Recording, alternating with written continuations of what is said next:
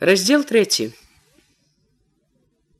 Васілю гэтыя дні далі таксама багата трывогі. Было яе многа да сходу жыла яна білася ў ім на сходзе з ёю ж падаўся ён і дадому не сучыў сабе цэлую буру сумненняў неспакою недавер'я трывога спачатку няпэўная няясная перамяшаная з радасцю з добрымі марамі з'явілася ў ім калі ён пабачыў што камісія пайшла па хатах цешачыся тым што жаданы перадзел усё ж збудзецца гадаючы колькі пяродзе яму зямлі ён разам з тым непакоіўся каб як-небудзь не абышлі яго не схітравалі і не абдзялілі.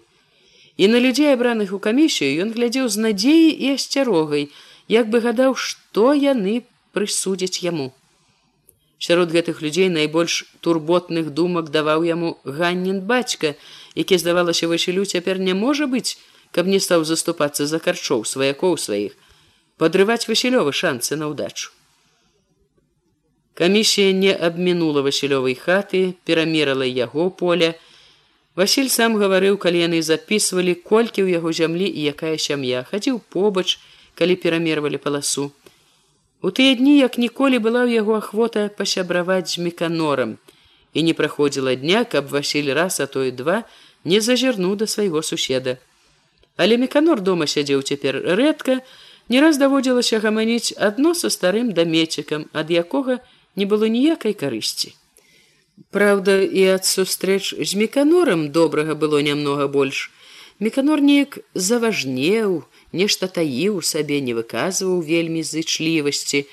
Толькі дазнаўся Васіль, што ў каго-нікаго знайшлі лішкі, што яму павінны прырэзаць з паўдзесяціны, але якія будуць гэтыя паўдзесяціны зямля ці пустэча так і не ўведаў. У меканора на ўсе выпыты быў адзін адказ. Сход збярэцца камісія памяркуе і васілю было відаць што на якую-небудзь асаблівую прыхільнасць спадзявацца не трэба. Гадаючы якім бокам павернецца да яго доля прызвычайны чакаць горшага ён у думках не раз не два нядобрым словам памінаў меканора Са злой радасцю цешыўся Васіль гаворкам, што асабліва багата павінны абразаць зямлю ў глушакоў. Некаторыя гаварылі, што павінны пакараціць глушакоўскія палі не менш як напалавіну, другія, што нават больш. Былі такія гаворкі, што калі ўжо абразаць, то лепш было б, каб абрэзалі не абыякую зямлю, а тую каля цагельні. Праўда, потым за гэтымі гаворкамі паўзлі чуткі, што зноў аб'явіўся маслак, гразіўся карміць зямлёй усіх тых, хто яе вельмі прагне, і гаворкі пра перадзел прыціхлі. Канешне, малому кожнаму было вядома, што калі людзі цяпер менш гаварылі пра перадзел, то думалі мусіць яшчэ больш. Думаў і Васіль.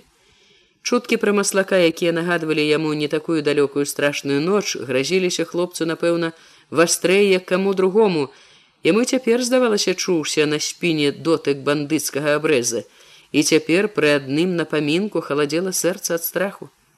І ўсё ж надзел на зямлю, што стала была такой блізкай, не хацела гінуць, Вось гэта тачыла і тачыла яго. Страх і надзея мяшаліся ў душы, змагаліся адно з адным, то прымашалі маўчаць, таіцца, то поўнілі хлопца адчайнай смеласцю адвагай, гатовай на ўсё гэтая пакорлівасці бунтарства страх і адвага біліся ў ім асабліва горача тады калі ён сядзеў на сходзе сачыў як то набліжаецца то адступае яго шчасце. Ён праз увесь сход і не думаў гаварыць. Спадзяваўся што і без яго абыдзецца але раптам дрыгва здалося разарвалася і пад ім. Ён пачуў што гіне надзеі ні на кого не было. Трэба было ратавацца ваяваць за сваё жыццё самому. І ён ускочыў рынуўся у бой, закрычаў, не помнячы, не баючыся нічога. Цяпер ён ішоў па цёмнай вуліцы мясіў куранёўскую гразь і патроху адстываў пад сырым халаднаватым ветрам з балота. Непадалёк брылі людзі, была чутна гамонка, але ён не далучаўся ні да кога і нічога не чуў. Жыў сваім хваляваннем сваімі клопатамі.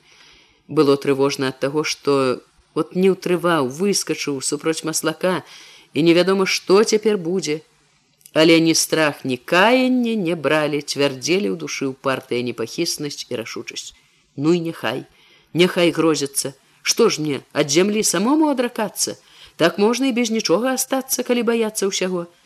Няхай часамі падумаюць, як бы іх хто ніхто з зямлёй не пакарміў. У гэтую мінуту не толькі меканор і другія куранёўцы, але і харчу з шабетам прыгадваліся без крыўды ніяк не прыецелі, а як супольнікі. І вельмі можа быць, што накормяць маслачкоў. Харчу, мабыць, толькі чакае цікуе дзе-небудзь, няхай толькі паткнуцца. Побач апынуўся ігнат, хадошчын бацькай пайшоў нараўне. Багатушча малаціць. Да ўжо хутка москапу якую. Дай мне небагата лёгка ў гэтым годзе. Аге, неважко. Далей тупалі моўчкі, але Васіль чуў, што чалавек не так сабе падышоў, трымаецца побач не так сабе, шануе, паважае. Напэўна, засмела сённяшнюю за тое, што не пабаяўся, выказаў праўду перад усімі. Калі ігнат збочыў на свой двор, у Васіля засталася аб гэтым згодным сяброўскім маўчанні добрая лагодная радасць. Дома дымела трашчала лучына і каля прыпека варушыўся ў камізэльцы дзед Дзяніс. Васіль бачыў яго на сходзе і не ведаў, як стары ўправіўся вярнуцца раней, мабыць, не дабыў да канца. Ох і герой наш задаволена сказаў дзед. Ён весела загадаў маці: Дай бо чаго пад'есці. Паставіўшы міску з расолам і чыгун з картопляй, маці прысела на лаўку і доўга глядзела на Васіля вачыма поўнымі трывожнасці і шкадавання. Ну чаго вы не вытраваў неласкава буркнуў Васіль. Що адно як не бачылі век боязна мне сыночак Нашто табе было выстаўляцца? А што ж было тым часам рабіць калі ўсе маўчалі як вады ў рот набраўшы адобрыў Васіля дзед. Все адно кеп барані Бог паганага чаго не выйшла ну от бо Васіль узлаваны гатоў быў кінуць лыжку. Вечна вы А ты не кіпі, строга зірнуў на яго дзед. На тое яна і матка, чтоб за дзіця баяцца. І ты, ён папракнуў ужо маці, лезеш са сваім стогнам не ў пару, пад'есці не дасі. Ужо калі леглі, дзед дзяніс прамовіў у поцемку з печы. Е таго старога карча аж трасушка ўзяла, як ты гаварыў, разарваў бы кеп прымеў. Не пападайся ты яму цяпер ні яўхіму, Але ты тым часам не бойся. Не вельмі той попускацца трэба і нікому попускацца не трэба. Ніхто за цябе не заступіцца, як сам не заступішся. Дак няхай тым часам знаюць, што і ў цябе зубы є. Памаўчаў трохі, пакруціўся на печы, уладжваючыся, мабыць, пёк чарэн, як бы чытаў васілёвы думкі, калі параіў. І заўтра тым часам не драмлі. Як будуць дзяліць, скажы, абы якой зямлі не трэба, чтоб людскую удзялілі патрэбуй і не попускайся адным словам не попускайся.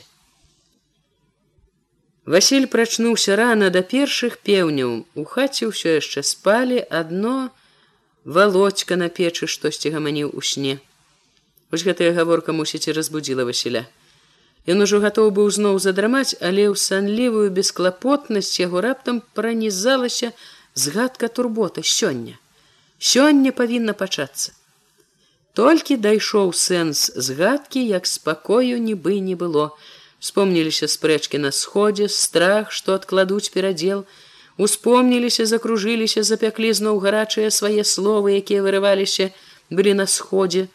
Зноў нібы гаварыў, крычаў, нападаў на тых, хто асцярогай баязлівасцю лезь не сарваў перадзелу, заступаўся за сябе, за свае паўдзесяціны, Добра вам казаць, калі еш чаго пакарміцца, удосталь зямлі такой, што як кінеш, дык вырасце нешта, А як мне на адным пяску на пустэчы ята як? З гэтымі думкамі крыўдамі перапляталіся зноў напамінкі пра маслаковы пагрозы, але цяпер страху не паддаваўся. Самі няхай не вельмі вылазяць, калі хочуць цэлыя будь вужакі балотныя. Што б не ўспамінаў разам з усім ні на момант, не прападаючы жыла ў ім, цешыла і вярэдзіла душу турбота пра зямлю. Да ўчарашняга дня ён толькі марыў пра яе, а цяпер яна была ўжо лецьні ў яго руках і не жменька, не дробіць якая, больш за паўдзесяціны.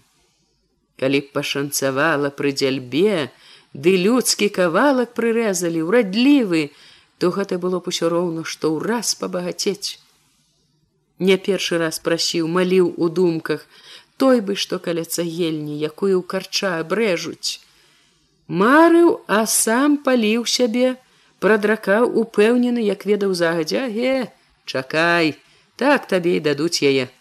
Пабачыш, як свае вушы. Многа там дурных такіх у камісіі ці з тых, што каля яе аціраюцца, кеп такі ласы кавалак аддаць некаму другому. Ён амаль на свае вочы бачыў, як гэта такі жаданы даўно-даўно аблюбаваны кавалак пераходзіць у нечыя іншыя спрытныя хітрыя руки. На ласы кавалак лаўцоў тут аж занадто і не агледзішся, як выхапяць з-пад носа. З кішэней токі абухаваць можна было выцягнуць лаўцам я там як плюнуць. Трывожачыся, поўны лютасці да лаўцоў, праз якіх ніколі не абярэцца ад крыўды, Васіль як бы чуў дзедава павучанне, якое яшчэ больш гарачыла, подбівала на смеласць: не попускайся, няхай знаюць, што і ў цябе зубы е. Добра сказаць, не попускайся.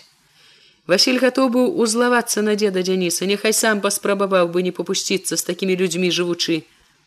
І ўсё ж Васіль не хацеў і не мог попусціцца.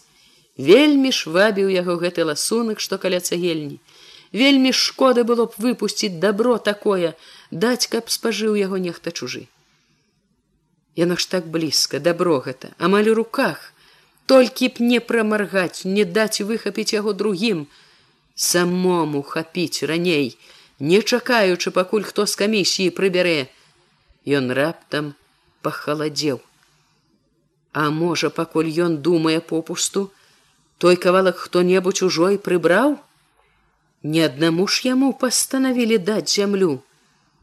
Устаў от поначы і захапіў і чакае толькі, калі падыдуць другія, кеп паказаць.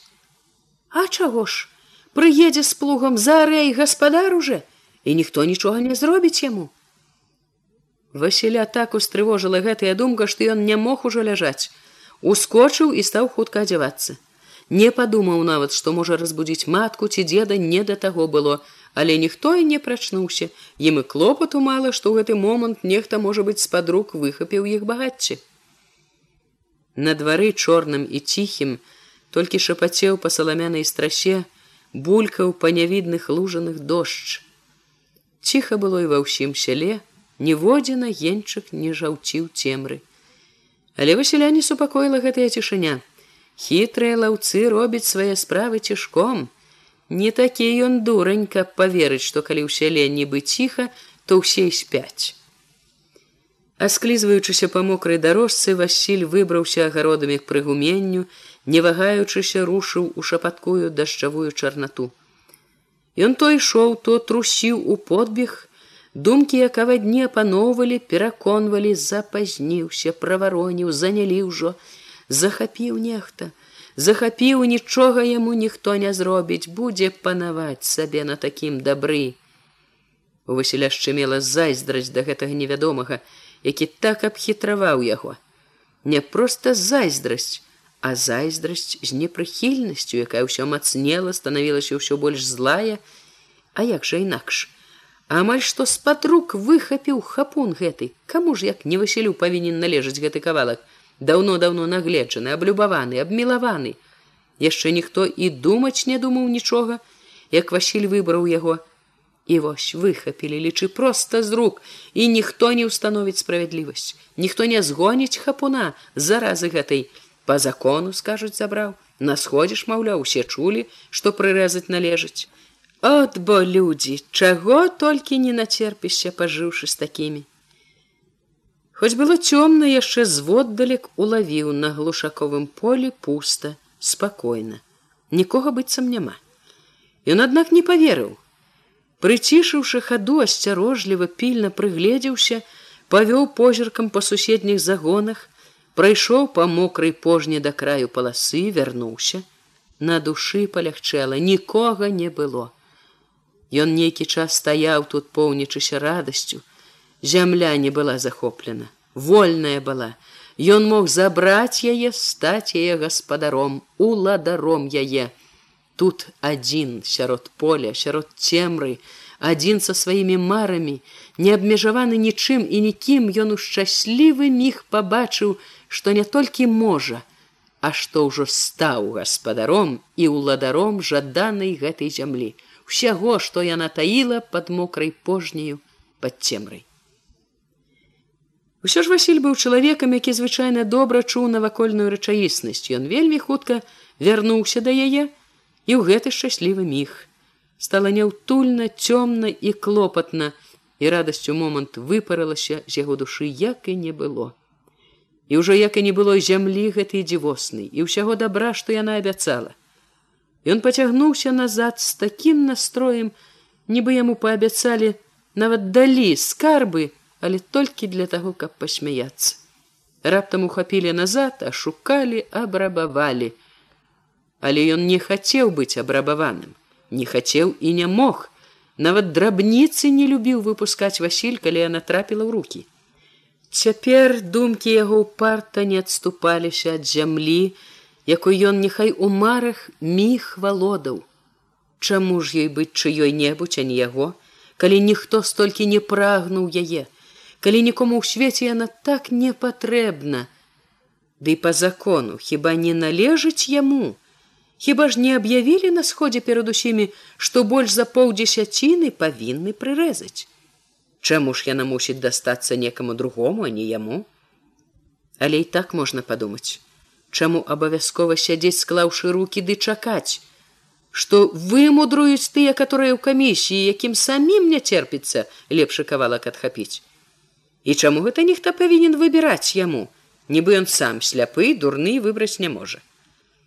На момант прыгаталася, як ляжаў на саломе ў юравіцкай каморацы, дробная акенца ў гары грозны шабета непадступны харчаў взяла боязнасць каб зноў не прычапіліся але зямля каля цагельні так вабіла так вярэдзіла душу неспакоем як бы не выкаўзнала з рук што страх адступаў глух не прычэпіцца Васіль нагадваў сабе помніш што сказаў апейка выпускаючы з-пад варты Хочаце, чтоб за вас усё рабілі, а самі за сябе пастаяць не хочаце. І хоць апейка гаварыў гэта пра іншае, згадка пра апейкавы словы зусім супакойвала. Дзед праўду казаў, не трэба попускацца. Будзеш попускацца, век будзеш у дурнях, век зубамі з голаду ляскаць будзеш ды голым целам свяціць. У цемры на мокрай шэрасці неба абазначыліся чорныя хібы стрэх. Прыслухоўваючыся, прыглядваючыся, Васіль пайшоў між гумнаў. У сяле, як і раней не блішчала ні аднаго агеньчыка, не чутно было ні аднаго голасу, а хлопцу ўсё ж стала трывожна. З'явілася адчуванне небяспекі. Але ён не паддаўся страху, не спыніўся. У яго душы была цвёрдасць і рашучасць. Ён зойме зарэ зямлю каля цагельні акурат столькі колькі вызначылі. Зарэ пакуль не агледзеўся ніхто з камісіі. А як зарэ няхай паспрабуюць скруціць. Хочаш не хочаш а дадуць. Быць не можа каб не далі дабраўшыся да свайго двара ў хату як і ўсе іншыя ў сяле чорную маўклівую не пайшоў адразу ж падаўся ў павець выцягнуў плуг. Ціха зарыпелі вароты ў хлеў. Лагодна гладзячы па шыі вывеў паслухмянага гуза стаў запрагаць. Адчыніў ужо вароты за якімі была дарога на прыгуменне калі паблізу заўважыў постаць. Маці.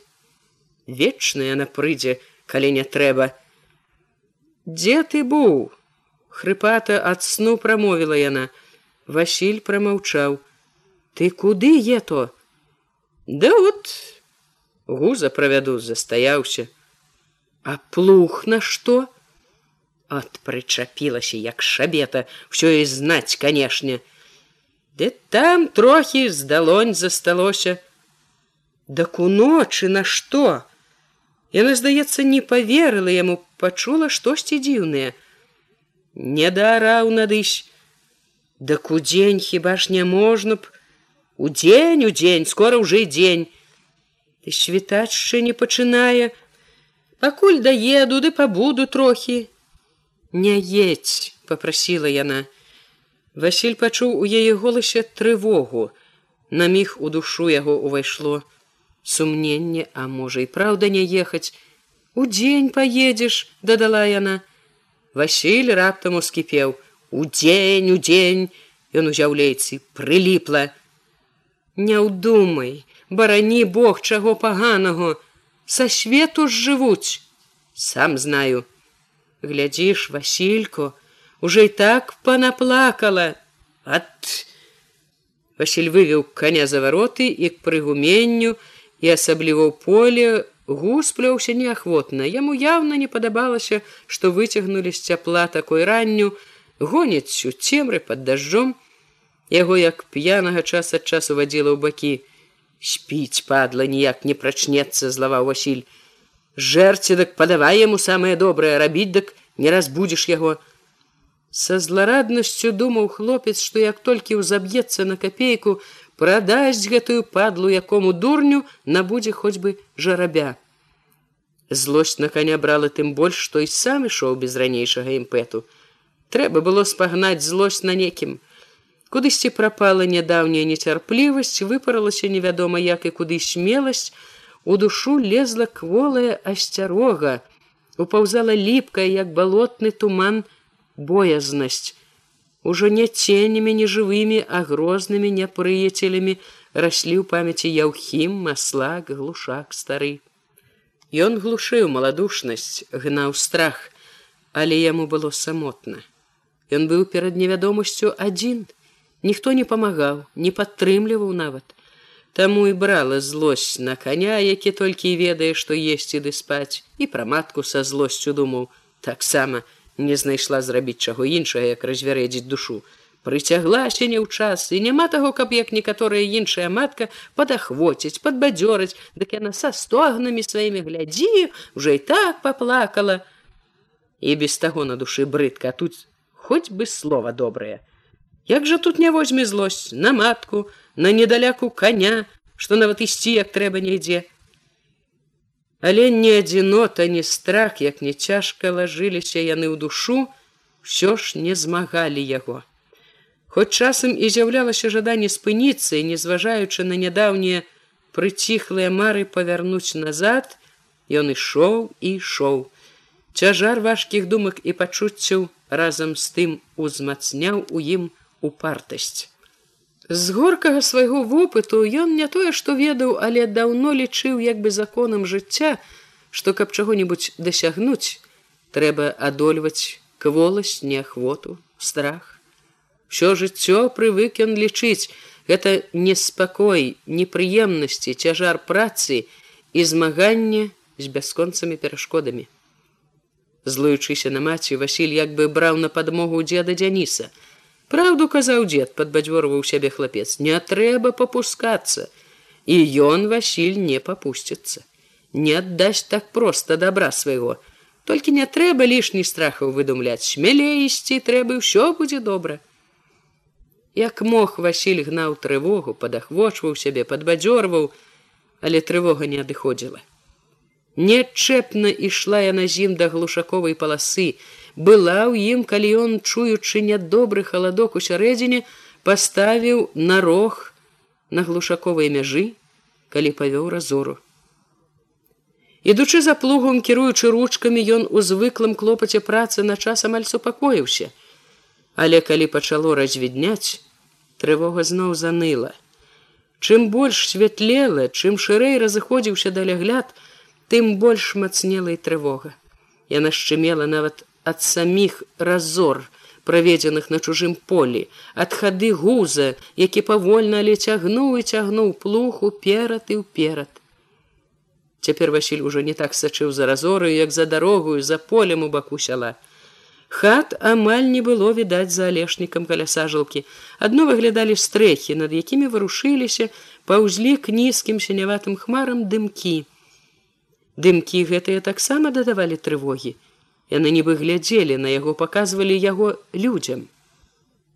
Да Васіля даходзіў з сяла віск свіней, рык кароў. Можа таму нават выгляд пустой дарогі, пустога поля каля алешніку не супакойваў, паглядваў туды з непакоем, чакаў вось-вось паявяцца людзі. Калі яны зачарнелі кубка павольных постацей, халадок трывогі яшчэ памацнеў Ён зрабіў выгляд, што не цікавіцца імі, але амаль кожную хвіліну кідаў у іх бок касыя позіркі. Змерка ідуць, значыць, мераць выправіліся. Адкуль пачнуць, куды адразу пакіруюць, Да цагельні, дзе ён робіць круг ці пад лес на другі бок поля. Заўважылі ці не заўважылі яго. Кубка яшчэ далекавата збочыла к лесу. На другое поле падаліся, не спыніліся, не звярнулі ўвагі. Але позірк цікаваў, то гэтую кубку, то выток дарогі каля лешніку. Недарэмна зіркаў. Вось яшчэ вылезлі з-за лешніку тры постаці, ціха плятуцца, мабыць, не спяшаюцца. Адзін з іх вельмі рослы, здалёк відаць, другія два ледзь па плячо яму. Рослы, пэўна, Ларывон, здагадаўся Васіль і з непакоем навастрыўся позіркам, а хто ж другія два. Можа, Яўхім там ці стары, Постаці ўсё сунуліся па дарозе тым жа кірункам, што і папярэднія. Можа, збочыць, не заўважыць. Не заўважылі, спыніліся, прыглядаюцца. Хвіліну пастаялі, гледзячы на яго, потым адзін падаўся за першай кубкай, а два Васіль насцярожыўся, рушылі проста да яго ларэвон і зайчык. Сталі наперадзе, чакалі, калі ён падыдзе. Не абмінуць. Хочаш, не хочаш, а трэба ісці бліжэй бліжэй, Ну і няхай Ён падыдзе знаку не падаць, што пабойваецца. Толькі вось на ўсякі выпадак, калі гэты дурань ларэмон кінецца за свайго дружка біцца, падрыхтавацца трэба, каб не заспеў знянацку. Васіль з усёй сілы сціснуў пугаў ё няхай паспрабуе толькі. Здароў Васіль! весело крыкнуў зайчык. Васіль паздароўкаўся ў адказ, але не спыніўся. Добры кавалак табе ўдзялілі, пахваліў, падчапіў зайчык. Васіль не адказаў. Праз хвіліну ён пачуў, што яго даганяюць, па тупанню ботаў пазнаў, што гэта ларывон, сціснуў пугаўё. Ларывон падыбаў побач, ось вось замахнецца, дасць пудовым кулаком. Табе е то выдзелілі, сказаў трохі задыханы, Васіль спасцярожліва зіркнуў на яго прамаўчаў. Упарта таптаў свежую зямлю ў разоры. Гэ, зразумеў нарэшце бугай, разумны. Ён мацюкнуўся і адстаў. Дайшоўшы да павароту, Васіль убачыў, зайчык падаўся да тых, што мералі, а ларывон дыбае да сяла. К яўхіму здагадаўся Васіль. Яго зноў узялі одум, страх захацелася кінуць загон зямлю, якая не так прыцягвала, як палохала, гразілася бядою. Але ён не кідаў ішоў і ішоў баразною. Зямля як бы трымала яго. Ногі прыліпалі да яе, маглі ісці толькі роўнай канаўкай разоры. Не мог кінуць, бо пачатак быў ужо зроблены, бо яго ўжо бачылі тут, бачылі, што ён зрабіў. Адступаць не было куды. Дарога была толькі ўперад. Що адно пачаў дакрабіць до конца не попускацца Васіль паспрабаваў прыдушыць страх супакоіць сябе яшчэ побачым чыя возьме мало што ён прыбяжыць а няхай паспрабуе сагнаць калі пастанавілі абрэзаць няхай паспрабуе сунуцца побачыць Васіль заўважыў Людзі сяла ўсё цягнуцца і цягнуцца. Некаторыя, як і зайчых з ларавоном спыняюцца, глядзяць у яго бок, але потым ідуць к тым, што мераюць. Там народу ўсё большее. Васілё позірк сочыць не так за імі, як за дарогаю, за тымі, якія паяўляюцца з-за арэшніку. Адна постаць збочыла, хутка прастое да яго. Это не ён, не яўхім, гэта як васілю не пазнаць здалёк маці.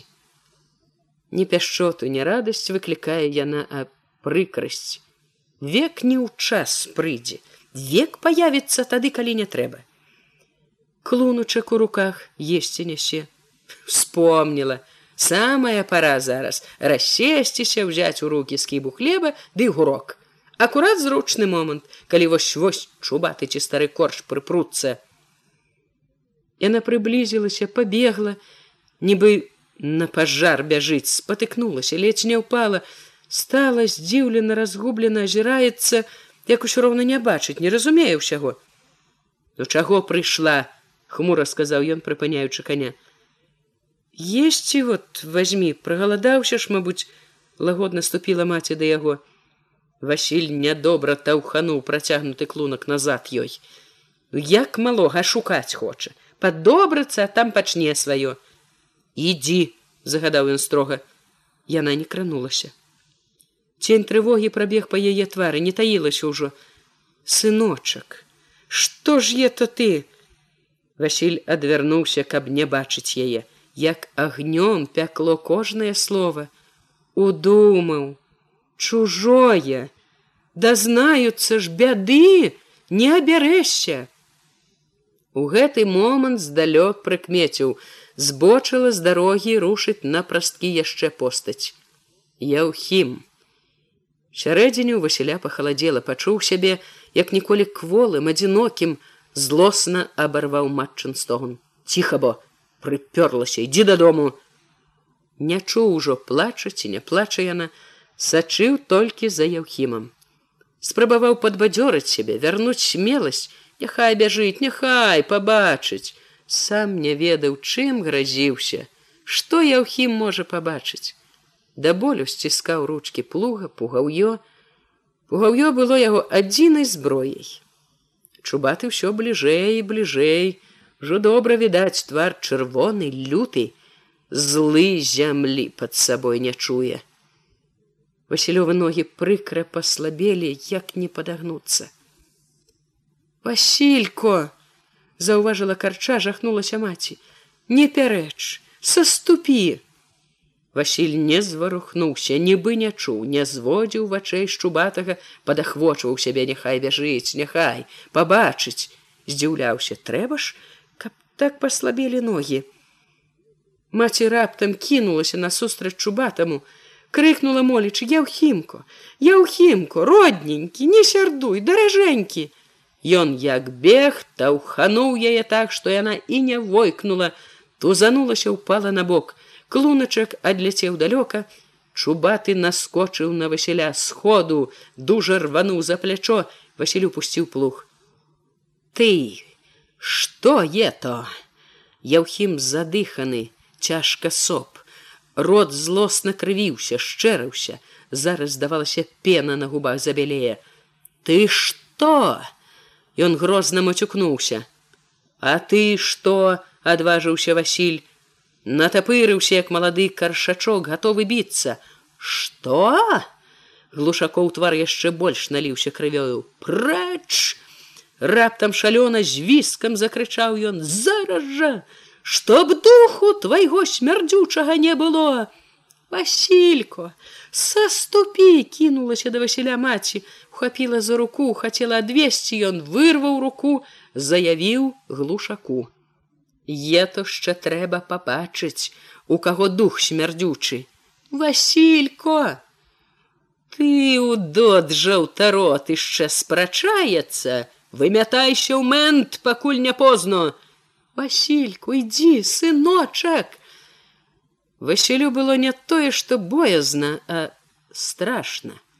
Разумеў, што лепш было паслухацца, адступіць, але не мог перамагчы сябе. Ганарлівасць, злосць на глушака за зямлю, за ганну, за ўсё заўпарціліся, запоўнілі яго. Не далі і выгляду паказаць, што баіцца. Унё напужаў. Васілько, сыдзі, не чапайся, от адпіхнуў Васіль матку.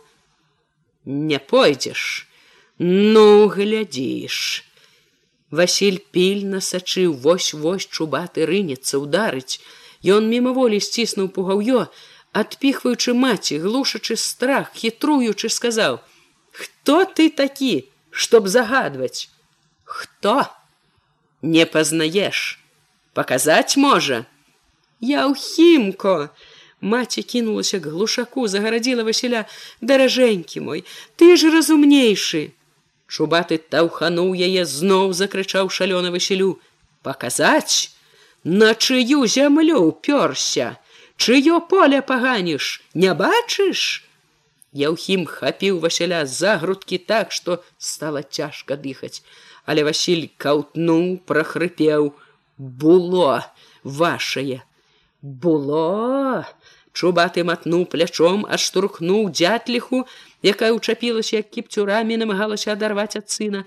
Было цяпер нашае вашае брэшаш гад! Яўхім колькі змогі сціснуў Васілёў каўнер, кінуў хлопца з такой сілай, што таму здалося нібы тулава ў яго адарвалася ад ног. Васіль так грымнуўся патыліцы аб зямлю, што ў галаве загуло: твоё шелесці будзеш буду не твоё звер ты звер корч пракляты учапілася зноў чубатага дзятліха. Васіль выдохнуў зларадна помсліва. Напанаваліся уже скончылася вашее Яўхім адкінуў дзятліху загадаў люта. Молчы прэч шчаня пакуль цэлы. Пляваць мне! Васіль стаў на карачкі намерыўся падняцца. Яўхім рынуўся на яго пляваць шалёны удар зноў кінуў Васіля на пожню. Аж нібы трэснула шыя не пойдзеш гад ты! Гад! Наляцела каршуніхай маці учапілася ў руды чуб стала ашалела рваць матаць яго гэта ўратавала Васіля Выкарыстаўшы момант, ён ускочыў, з пугаўём, пра якое толькі цяпер успомніў, важка пайшоў на глушака. У гэты час чубаты злаўчыўся, ударыў маці каленам у жывот, яна енкнула, скурчылася ад болю асела. Васіль і Яўхім сустрэліся тварам у твар. Яўхім апярэдзіў, моцна ударыў пад сківіцу. Боль у сківіцы ў роце ва ўсёй затуманенай галаве, Няўдача дадалі Васілю лютасці. Крыўда. Усе крыўды, што даўно палілі, чакалі адплаты, цяпер ураз ажылі, запяклі зноў разам, усяго напоўнілі адным жаданнем дастаць, размалаціць гэтую ненавісную пысу шчубам. Адкуль толькі ўзяўся, неспадзеўкі наляцеў стары глушак і рвануў руку з пугаўём. Ты што е то смурод? кінь ледзь не выкруціў руку адкуль сіла у недалякі старога знайшлася каб трохі сагнуў бы васіля? Дзякуй маці выратавала. Кінулася да старога учапілася ў каршэнь затузала закляла і стары пусціў хлопца. Калі еўхіма апынуўся брат яго сцяпан але замест таго каб памагчы яўхіму чамусьці пацягнуў яго назад чубаты адразу зазлаваў даў сцяпану па твары выйшла так што яўхіму давялося біцца не толькі з васілём але і з братам Васіль ухапіў момант трэснуў яўхіма пугаўём па галаве так што той зароў ашалелы ад болю. Чубаты ўраз адарваўся ад сцяпана не асцерагаючыся як раз'ятраны дзік і рвануўся да васіля. Васіль мелькам заўважыў пачарнелыя бязлітасныя вочы адчуў, што Яўхім прагне ўжо не толькі помсты смерці яго заб'е, не пабаіцца нічога, такая дзікая лютасць кіпіць па вачах відаць. Васіль адскочыў і даў яму яшчэ пугаўём, даў так, што ад тоўстага дубовага пугаўя застаўся ў руцэ толькі кончык. Ах ты! Яўхім хапіўся за галаву зноў з яшчэ большай лютасцю рынуўся на Васіля, Васіль замалаціў па ненавіснай пысе канчуком пугаўя, кулаком, але адбіцца не змог. Яўхім дапаў, схапіў за каўнер, наваліўся. Васіль тузануўся, спрабуючы вызваліцца, Яўхім не ўстаяў і яны ўпалі. У наступны момант абодва качаліся па пожні па свежай раллі, крывянілі адзін аднаму твары, шматавалі сарочки. Глушак, вырваўся нарэшце з рук дзятліхі кінуўся на падмогу яўхіму чапіўся ў васілёву галаву сілічыся прыгнуць к зямлі. І ў той жа час сцяпан схапіў брата за плячо за руку стаў з усёй сілы цягнуць ад васіля. Дзятліха напала зноў на старога але ўбачыла скрываўлены твар сына. Пачула як ён хрыпіць з жаху з роспачыў скінулася забегала позіркам па полі залемантавала або людцы ратуйце забіваюць Яна пабегла насустрач куранёўцам, што каля лесу ўчулі яе кліч, бегла і ўсё лямантавала, падганяла, забіваюць, забіваюць, ратуйце. Недалёка адбегла, схамянулася, зноў кінулася да сына. Адбіваючыся ад яе глушак заўважыў мужчын, што падбегалі з меканорам наперадзе, сагнуўся цярпліва, пакорліва, трываў удары сатанелай дзятліхі аж пакуль яна не здаволілася учапілася ў яўхіма. От бо як пакруціліся паскардзіўся пастарэчы глушак калі людзі прытупацелі. Расчапіце бо дурню етых сцяпанку адыдзі! Без цябе ўжо абыдуцца мужчыны між якіх быў і ларывон кінуліся разнімаць тых хто біўся сцяпан сам адступіўся Дятлюху таксама лёгка адцягнулі, а Васіль і Яўхім не даваліся. Хапаліся адзін за аднаго, малацілі кулакамі, хрыпелі, гразіліся. Э тваякі! гнуў назад Яўхімова руку меканор. Не выпускай, загадаў ён хоню, што трымаў Яўхіма ззаду. Як чэрці! Нядоўгая да смерці бегала навокал спалоханая сарока. Яна крычала, склікала сюды, забіваюць!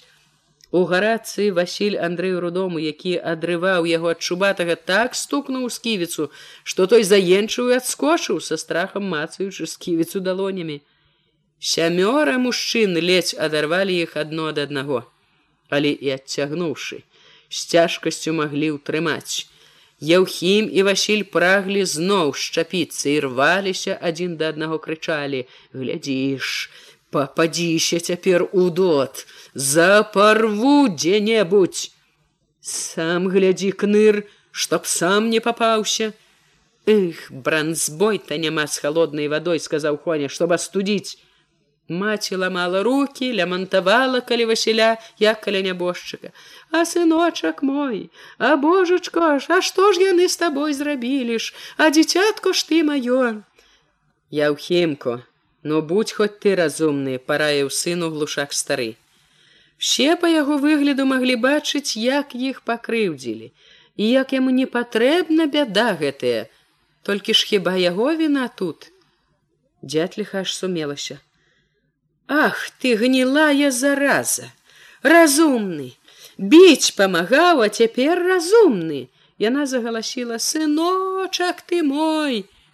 Не чапай, яўхімко, бяды не абярэшся, бачыш, трываў няпраўду ад дзятліхі глушак. Самі ж пачалі, самі ж вінаваціць. Але Яўхім не слухаў нічога, гразіўся. Памочышчэ крывёй зямлю ў дот. Корч пранцаваты, сам глядзі. Народу вакол збіралася ўсё больш. Падышлі дубадзел і зубрыч, праціснуліся наперад.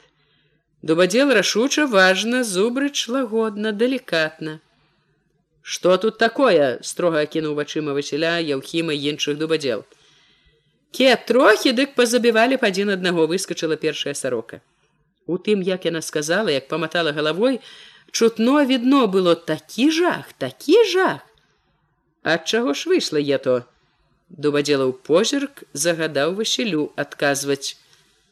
Кроў цякла васілю на вочы ён адпіхнуў маці якая лезла памагчы выцер лоб чорнай далонню пачуў як шчыміць парваная скура. Боль мяшаўся з крыўдай са злосцю якія палілі цяпер здаецца яшчэ больш як да бойкі адказаў за яго глушак стары чужое поле хацеў захапіць гвалтам супроць савецкага закону супроць сельсавету адразу уже і супроць савецкай улады падчапіў яхідна меканор не супроць адгукнуўся василь А кебы супроць. Кеп і параў сам накінулася на глушака дзятліха. Дак за ету біць трэба, забіваць да смерці. Ніхто яго не забіваў, сам ён яўхіма чуць на той свет не адправіў. Сам дзятліха забошкала, загаласіла, як толькі магла. Все разумелі, што галошаннем сваім яна спрабуе абараніць, выратаваць сына. Сціхніце, цётка, Шы не знаеце, што будзе, паспрабаваў супакоіць яе хоне, але яна загаласіла мацней. Зайчык улучыў момант весела ўплёў. О ты пачаўся, дзетачкі перадзел. Засмяяўся толькі ларэвон, але ён тут жа зірнуў на яўхіма і змоўк. Нікому больш зайчыкаў жарт мусіць не здаўся смешным. Мо няхай етыя пойдуць па хатах, сказаў дубадзелу і ўпаўнаважанаму міканор. Потом разбяромся, А то ж пачалі абрэзваць, сабралі столькі народу, давесці б да ладу абрэзку. Правільна, час дарагі падтрымаў яго ўпаўнаважаны і дубадзел са ўсёй строгасцю загадаў Васілю і Яўхіму. Заўтра, чтоб былі ў сельсавеце, рано на расследаванне. Я толькі павінен на некалькі хвілін затрымаць іх, умяшаўся раптам зноў лагодны разам з тым цвёрда ўпаўнаважаны. Для папярэдняга высвятлення акалічнасці і прычын. Ён кіўнуў меканору і дубадзелу продолжайте пакуль без мяне як толькі людзі пачалі разыходзіцца дзятліха якая была прыціхла прыслухоўваючыся што кажуць пра лёс васіля адразу загаласіла зноў зубрач як мог дапытаў яе хутка перабіваючы ківаючы згодна. Так так зразумела. Мякка сказаў што яна можа ісці Дзятліха, аднак не паслухалася, пачала лемантаваць зноў і ўпаўнаважаны прыгразіўся, што плачам сваім яна только пашкодзіць справядліва разабрацца ва ўчынку сына, пашкодзіць сыну. Вслед за гэтым упаўнаважаны таксама ж здагадліва ківаючы хутка дапытаў сцяпаны старога глушака. Таксама дазволіў ісці, але ніхто з іх як і васілёва маці ў сяло не пайшоў. Адступіліся толькі на якую сотню крокаў і сталі назіраючы за тым што будзе далей. Ім не было чуваць пра што гаварыў упаўнаважаны васілю і яўхіму. Але здавалася ім трымаўся ён за абодвума інакш. Не ківаў галавою. Засунуўшы руки ў кішэні выпрастаўся важна строга і ўсё нібы нечым гразіўся неадступны нялітасцівы і дзятліха і глушак не на жарт трывожыліся. Упаўнаважаны, застаўшыся адзін з васілём і яўхімам загаварыў не адразу. Засунуўшы руки ў кішэні пільна аж неяк пранізліва разглядываў спачатку аднаго, потым другога і не спяшаўся выказваць тое, што таілася ў яго галаве. Доўга-доўга здавалася абодвам маўчаў, аж трываць цяжка стала маўчанку. Нус, значит так. Расчапіў нарэшце губы ўпаўнаважаны. Самі пачалі землеўпарадкаванне. Так. Еўхім запярэчыў я не пачынаў. Ён ка мне ў лес я толькі за сваё добро уступіўся было твоё паўдзесяціны цяпер мае. Паўдзесяціны мне выдзелілі. А якія? Мо такія якія ты сам выбераш? Зубрыч адрэзаў строгай жорстка спыніць спрэчку. Тут не дыскусія. Я дапытваю вас і будьце ласкавы слухаць мяне і адказваць тады калі я запытаюся. Ён зірнуў на васіля. І раптам ударыў пытаннем. Сядзеў ужо? У васіля ў грудях пахаладзела. Ну чаго маўчыш? Мяне адпусцілі? Можем вярнуць назад Васіль глядзеў і не пазнаваў упаўнаважанага. Калі ж тут была ўсмешка, не твар, а камень. Зноў захацеў туды. Васіль быў разбіты. Усё адно абураўся ўпаўнаважаны. Што хачу, то я бяру, закон яму нішто, нуль, савецкія законы яму не пісаны. Анархізм поўны, не анархізм, а разбой, разбой сярод белага дня, адкрыты бандытызм. Я не бандит, не бандыт, дык бандыцкі паслугач і не паслугач. Мы ўсё помнім. Мы не забыліся, як вы маслака вадзілі пад вокны савецкіх дэпутатаў. Так яны ж заставілі, абрэс уткнулі ў жывот. Васіль гатоў быў зараўсці ад крыўды. Абрэс! хто вам поверыць дурняў знайшлі вы же цяпер толькі масла капякун ваш аб'явіўся зноў расперазаліся на законы савецкія плюяце думаеце пры маслаку ўсё дазволена упаўнаважаны гнеўна паківаў пальцам перад васілёвым тварам не руки кароткія Савецкая ўлада не такіх уціхамірвала, не такіх абсякала. Зубрыч з тымі ж пагрозай і гневам загадаў: « Ідзіце, дачакайце, як мы вырашым. Ён заўважыў, што хлопец і не глядзіць на гуза, які мірна дрэмле, крыкнуў след: « Каня забярыце. Васіль схамянуўся, паплёўся да гуза. Маці, радая, што допыт скончыўся так хутка, што Васіля адпусцілі, хоць і бачыла, што сын вельмі шпаныла горбіцца, выцерла слёзы, сказала весела, А я баялася, што барані Бог заарыштуе, аж не пусціў і не мучыў доўга. Яна, відаць, хацела супакоіць сына. Добры кажуць, справядлівы ён. Кеп крывароты, не дай Бог той пападзяржаў бы добры аж запякло васілю ад матчаных слоў чтоб яму на тым свеце такому добраму не знаю што сеяны добрыя справядлівыя такія няхай сарочка не чапае. Маслака прыплёў. У паслугачы маслаковы запісаў. Справядлівы такі. Помнім кажа не забылі. Не дакапаліся толькі але дакапаюцца. Выкапаюць усё чаго і не было ніколі абы толькі захацелі. Выкапаюць. Набрэшуць а ты паспробуй дакажы што няправда такім дакажаш. Не бачыў як дабраўся да загуменнай дарогі пацёгся між восіцяў гумнаў платоў. З-за чарнушкавых варот да яго кінуўся радасны володька з хвецькам але васіль нават не зірнуў на брата. Хвецька адразу ж адстаў паскакаў назад а володька доўга ішоў моўчкі таіў сабе турботу ты даў яму не вытрымаў запытаў ён ужо каля павеці праўда даў что не зразумеў василь ну я таму карчу даў василь зазлаваў ідзі ты адумаўся ну даў канешне я так і знаў узрадаваўся володька. Ён сказаў захапленнем зайздрасцю ты дужы прасачыўшы як хлопец пляцецца да коня упаўнаважаны доўгім позіркам зноў паглядзеў на другога віноўніка бойкі. Паглядзеў уже не так пільна, але з нейкай патайнай вострай усмешачкай, за якой хавалася, як пачуў Яўхім штосьці пагрознае. Упаўнаважаны здавалася гатоў быў нечым ударыць у любы момант, але як і спачатку ён не спяшаўся. Яму нібы прыемна было бачыць ахвяру, якой усё роўна няма куды дзецца. Няхай паспрабуе. Я яму не дзятлік, абнадзею сябе яўхім, рыхтуючыся адбівацца ад усяго. Але рыхтаваўся ён дарэмна. Неўзабаве і ён, як перад тым дзятлік быў у дужых руках таварышаў паўнаважанага.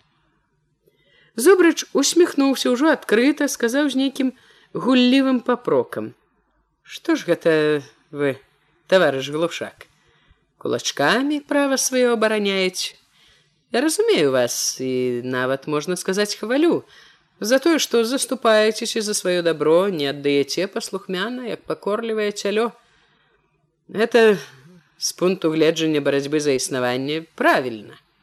Трэба трымацца, ваяваць за сваё права жыць пад сонцам, але ж ваяваць не кулачкамі, нават калі яны такія, як у вас. Кулачкамі ў наш час многа не даб'ешся гэта атавізм аджыло тым больш што слова кулак цяпер і не вельмі добра гучыць. Чым больш яўхім слухаў яго тым больш не разумеў Нашто ён вярзе разводзіць ету антимонію у нерад завесці дурнем хоча ці што? Ці не на гэтыя кулачкі з той жа гуллівай смешачкай сказаў паўнаважаны вы разлічвалі калі гразіліся на сходзе і на вас управа ёсць. Это значыць на камісію по землеўпарадкаванню на прадстаўнікоў сельсавета і воласці Яўхім насцярожыўся от яно тое да чаго вёў ён? Кажа такое смеяться хоць бы што а прызнайся дык у пячэ што не выберашся хе. На тое мы табе адкажам як трэба але адказаць не давялося зубрыч апярэдзіў адказаў сам Не на кулачкі? А, ведаю, ведаю, спадзяваліся на савецкія законы. Савецкая ўлада не дасць у крыўду працоўнага чалавека.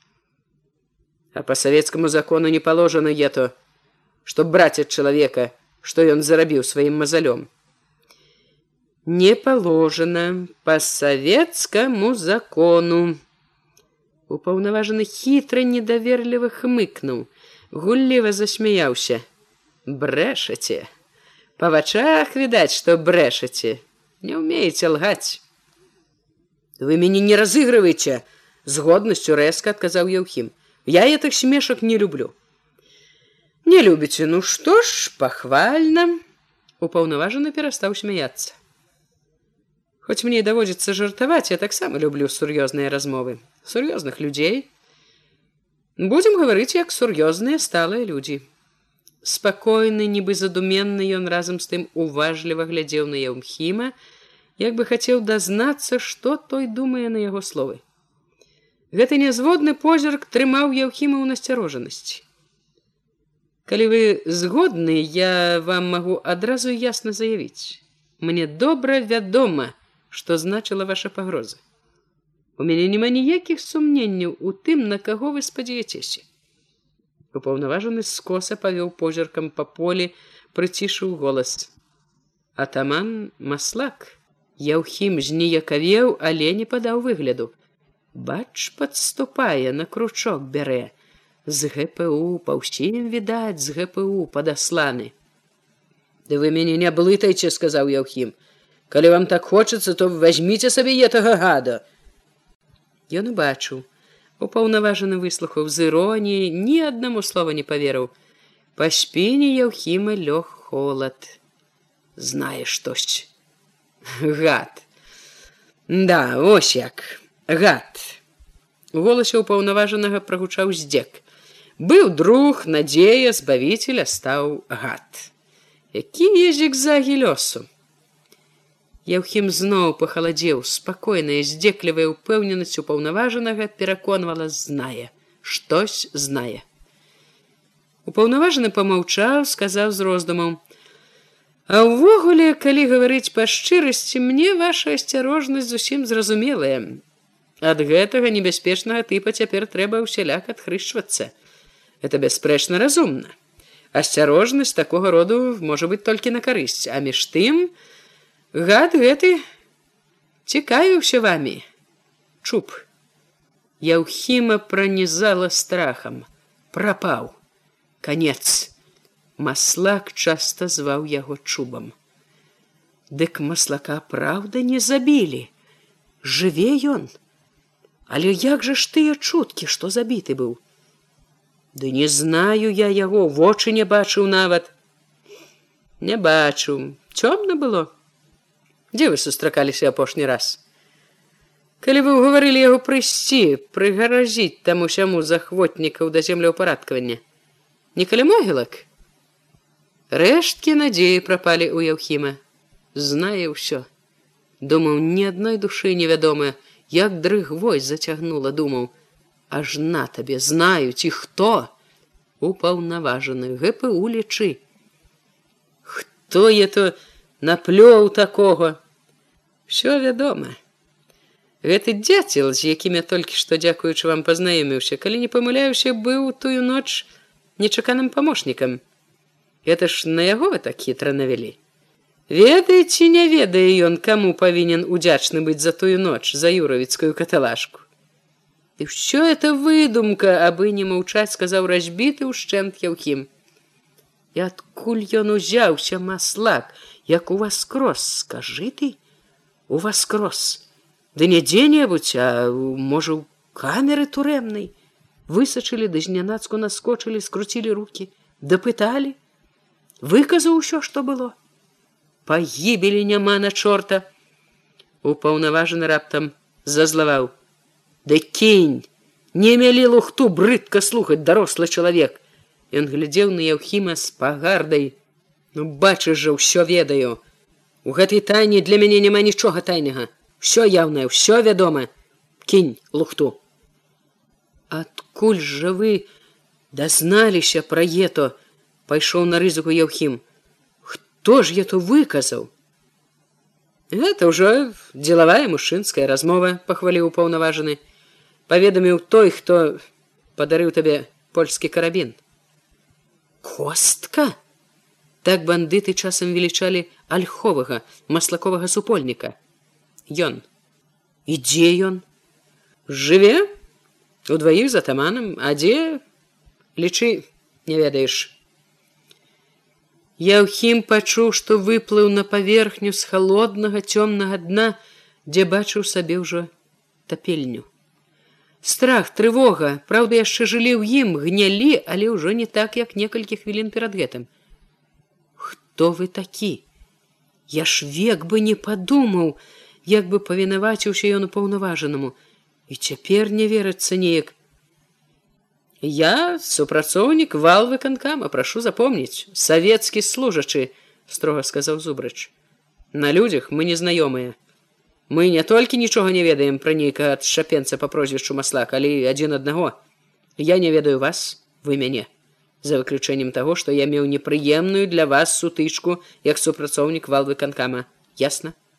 Ясна, не малы. Не забывай, зубрач загаварыў мякчэй з давер'ем ведай таксама цябе помняць калі будзе неабходна к табе прыйдуць і ты павінен зрабіць што належыць так што яшчэ яшчэ карысна вось што мець на ўвазе ты кажучы кудравым штылем не адзін нас много у сёлах у мястэчку ў горадзе за мяжой. Так так много мы маўчым да пары да каманды якая пачне ўсё. Яна можа быть не скора але яна будзе. Калі прыйдзе гэтая пара для нас пачнецца іншае сапраўднае жыццё. Не жменька ўся зямля навокал будзе наша. Поле лес лугі. Все зубрыч захапіўся і яўхім услухаць яго гаворку было як добрую казку. У гэтай касцы яўхіма надзялялі не палоскай нейкай цэлымі абшарамі зямлі лясамі. Рабілі яго гаспадаром вялікага дома кароўнікаў стайняў. У гэтых кароўніках і стайнях такая драбяза як дзятлік рабіць лічылі за шчасце. Яны трапяталі под адным позіркам яўхіма лавілі на ляту кожнае яго жаданне. Ён быў валадар і бог. Яўхімы было прыкра што зубрыч хутка перарваў гэтую казку і суха аддзяліўшы ўраз сябе ад яго загадаў а пакуль канспірацыя і канспірацыя. І калі выдачы каго-небудзь з нашага легіёна ведай галавы не знасіць нідзе не ўхаваешся вы это мне не гаварыце пакрыўдзіўся яўхім. Мне ету лішняе зубрыч нібы не пачуў яго крыўды заклапочаны дзелавіта сказаў чалавек які прыйдзе ад нас пытаецца ў цябе ці не бачылі вы чорнага коня што кульгае на заднюю нагу это будзе з наших ясна ясно ну вот і все Ён напомніў, мы па-ранейшаму не знаёмыя. Я толькі гразіўся табе на полі. Зубрыч холодна кіўком галавы развітаўся, павёў вачыма ў бок сяла, коротко па-вайсковаму загадаў: ідзі. Яўхім, ідучы побач са старым глушаком і сцяпанам, сказаў, што ўпаўнаважаны вельмі сварыўся за бойку, пагражаў нават судом, і стары слоў не знаходзіў клінучы ўпаўнаважанага. Склець бою ён і адстаў ад яўхімы сцяпана, пацягнуўся да натопу, што брыў па полі з меркаю. Ад радасці ісці яўхіму было лёгка, жартаваць хацелася, але калі, перавейваючы са сцяпанам жыта, стаў перабіраць зноў усё ў памяці, раптам ажыў неспакой. А што калі ён падасланы гэта ўпаўнаважаны і выведаў толькі для ГПУ, вельмі ж дзіўна нечакана ўсё прыйшло.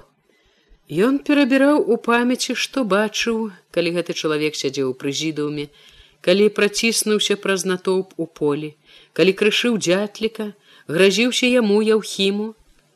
Перабіраў у думках усё што чуў ад яго спакой упэўненасць не прыходзілі. Вельмі ж многа было нязвыклага незразумелага.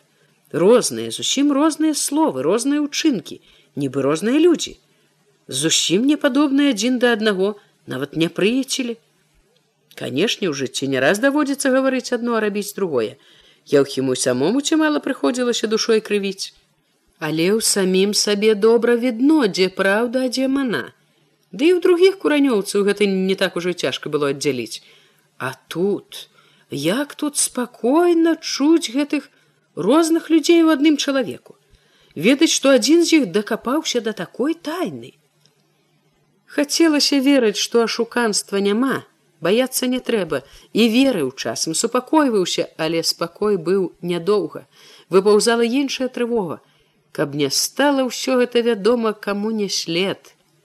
Калі гаворка з маслаком і альховым, якой ніхто акрамя іх трох не чуў, дайшла аж да Юравіч, то чаму не могуць уведаць пра гэта і другія. Калі ён гэты юравіцкі і не з ГПУ, то хто можа паручыцца, што ён не наткнецца дзе-небудзь на іх. А там як прыціснуць, хіба не вылажыць усё. Вылажыць як міленькі, ўсё выверне, абы за саломінку ухапіцца. Няўжо ж пашкадуе яго яўхіма. Добрыя казкі баяў ён, а толькі казкі, не для дарослых. Казка ёсць казка, жыццё жыццё. Як бы поверыўшы ў байкі тыя, пагнаўшыся за тым жураўлём у небе не страціць і тое, што яшчэ засталося. Пагана ці непагана, а ўсё ж такі жывеш. Якая там не ёсць гаспадарка не горшая, як у людзей. Не ходзіш па свеце з торбай, А можаш пайсці. З карынцы чэрствай будзеш рады дзе-небудзь у салаўках. І радасці няпэўнай было і трывогі, і лішняга клопату нязвыклай неадчэпнай турботы думкам перад самым вяселлем. Але калі думаў пра бойку з дзятлікам цешыўся, прыйдзе пара паенчыш у доджа ў тароты. Не раз не два ўспамінаў сустрэчу на могілках, жалкаваў. Трэба было тады так даць маху. Чаго ж тады было не коцнуць смаркача гэтага, не падказаў ім дурань. Многа неспакою было чалавеку перад самым вяселлем. На наступную раніцу Васілёва маці, увайшоўшы з двара, паставіла пустую рашку, сказала занепакоена: « Божа ж ты мой етага яшчэ не хапала. Чаго ты там? — адгукнуўся дзед, што вырэзваў скляновага бруска лыжку. Ідзіце на ганак, паглядзіце. Васіль выйшаў першы, не апранаючыся ў белых портках і сародцы. Хоць яшчэ развіднела не зусім, было ўжо добра відаць на дзвярах, вялікі чорны крыж. Дзёгаць дзе-нідзе пацёк папоўз ніткамі да масніц. Маслакі. Няўжо маслакі падумала ў голас маці, калі ўсе зноў сышліся ў хаце. Яна верыла і не верыла.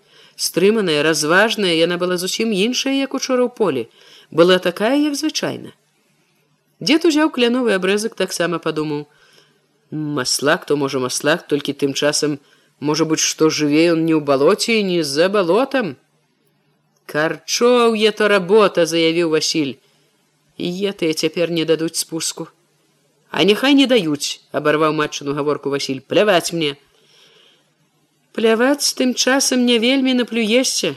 Это такая зараза, А тут, калі ў яго шэй хэўра, сельсавет бы на іх, чтоб упяклі ў юравічы, Аге, упяклі, не даказаўшы. Не злавіла, не кажы, што злодзей. А можна было б і падлавіць.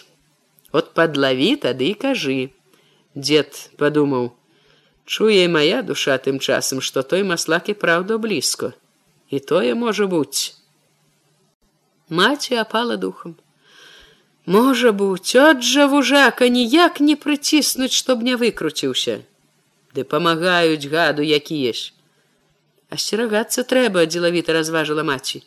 Як малому сказала вышелю у лес адзін чтоб не ездзіў з дедам са мною чічкім з добрым таварышам і са стрэльбай дзедавай ну вот вучыце яшчэ а і вучу. Вучыць трэба рано ад матчынай навукі адбіцца захацеў от і выходзіць такое. Увечары чтоб не хадзіў позна і ўночы чтоб не выпіраўся на ганак дык можа мне як малому ўсё адно А і ў хаце ці ў сенцах, калі ўжо так сорамно, панюнь кажуць, у аскерку дак ніколі поначы не выходзіў, не то што ў холад, а і ў лету. Пан от бо сказала, куры падохнуць ад смеху. Глядзі, чтоб сам жывы быў, строга сказала маці. І дадала мякчэй, ну а што такое? Што дома дык і знаць жа ніхто не будзе, не думай. Ты ўсё адно, не ўсё адно, пад кулю няма чаго лезці. Праўду кажа, кінуў дзед. Васіль плюнуў са злосцю і выйшаў з хаты. У той жа дзень трохі пазней яўхіму выпала яшчэ раз спаткацца з хадоськай. Падсачыла за агародамі, Выткнулася тварам у твар, Яўхіму скіпеў: Чаго чапляешся, знаеш жа, што ўсё кончылася, вяселле ўжо гуляць збіраюся. Знаю, а толькі скажу, горка пракаўтнула яна. Скажу, Няхай табе на тым свеце будзе так, як мне. На етым. Не ўтрывала губы затрыжалі, на вачах замутнелі слёзы, але апярэдзіла яго, кінула неспадзявана цвёрда. От і ўсё маё слово. Астатняе. У яе голасе пачулася столькі нянавісці, што ён зніякавеў. Болей не прычаплюся, можаш не баяцца і не пабачыш болей. Яна адразу ж адвярнулася, пайшла першая незнаёмая страшная. Астатняе не пабачу. Яўхім правёў яе позіркам, яна ішла цвёрда, мусіць не маніла. Ад нядобрай здагадкі на сэрца лёг неспакой. Ведае ці не ведае, хто пра ўсё. А што як дойдзе да ганны? Трэба ж столькі прыкрасці перад вяселлем,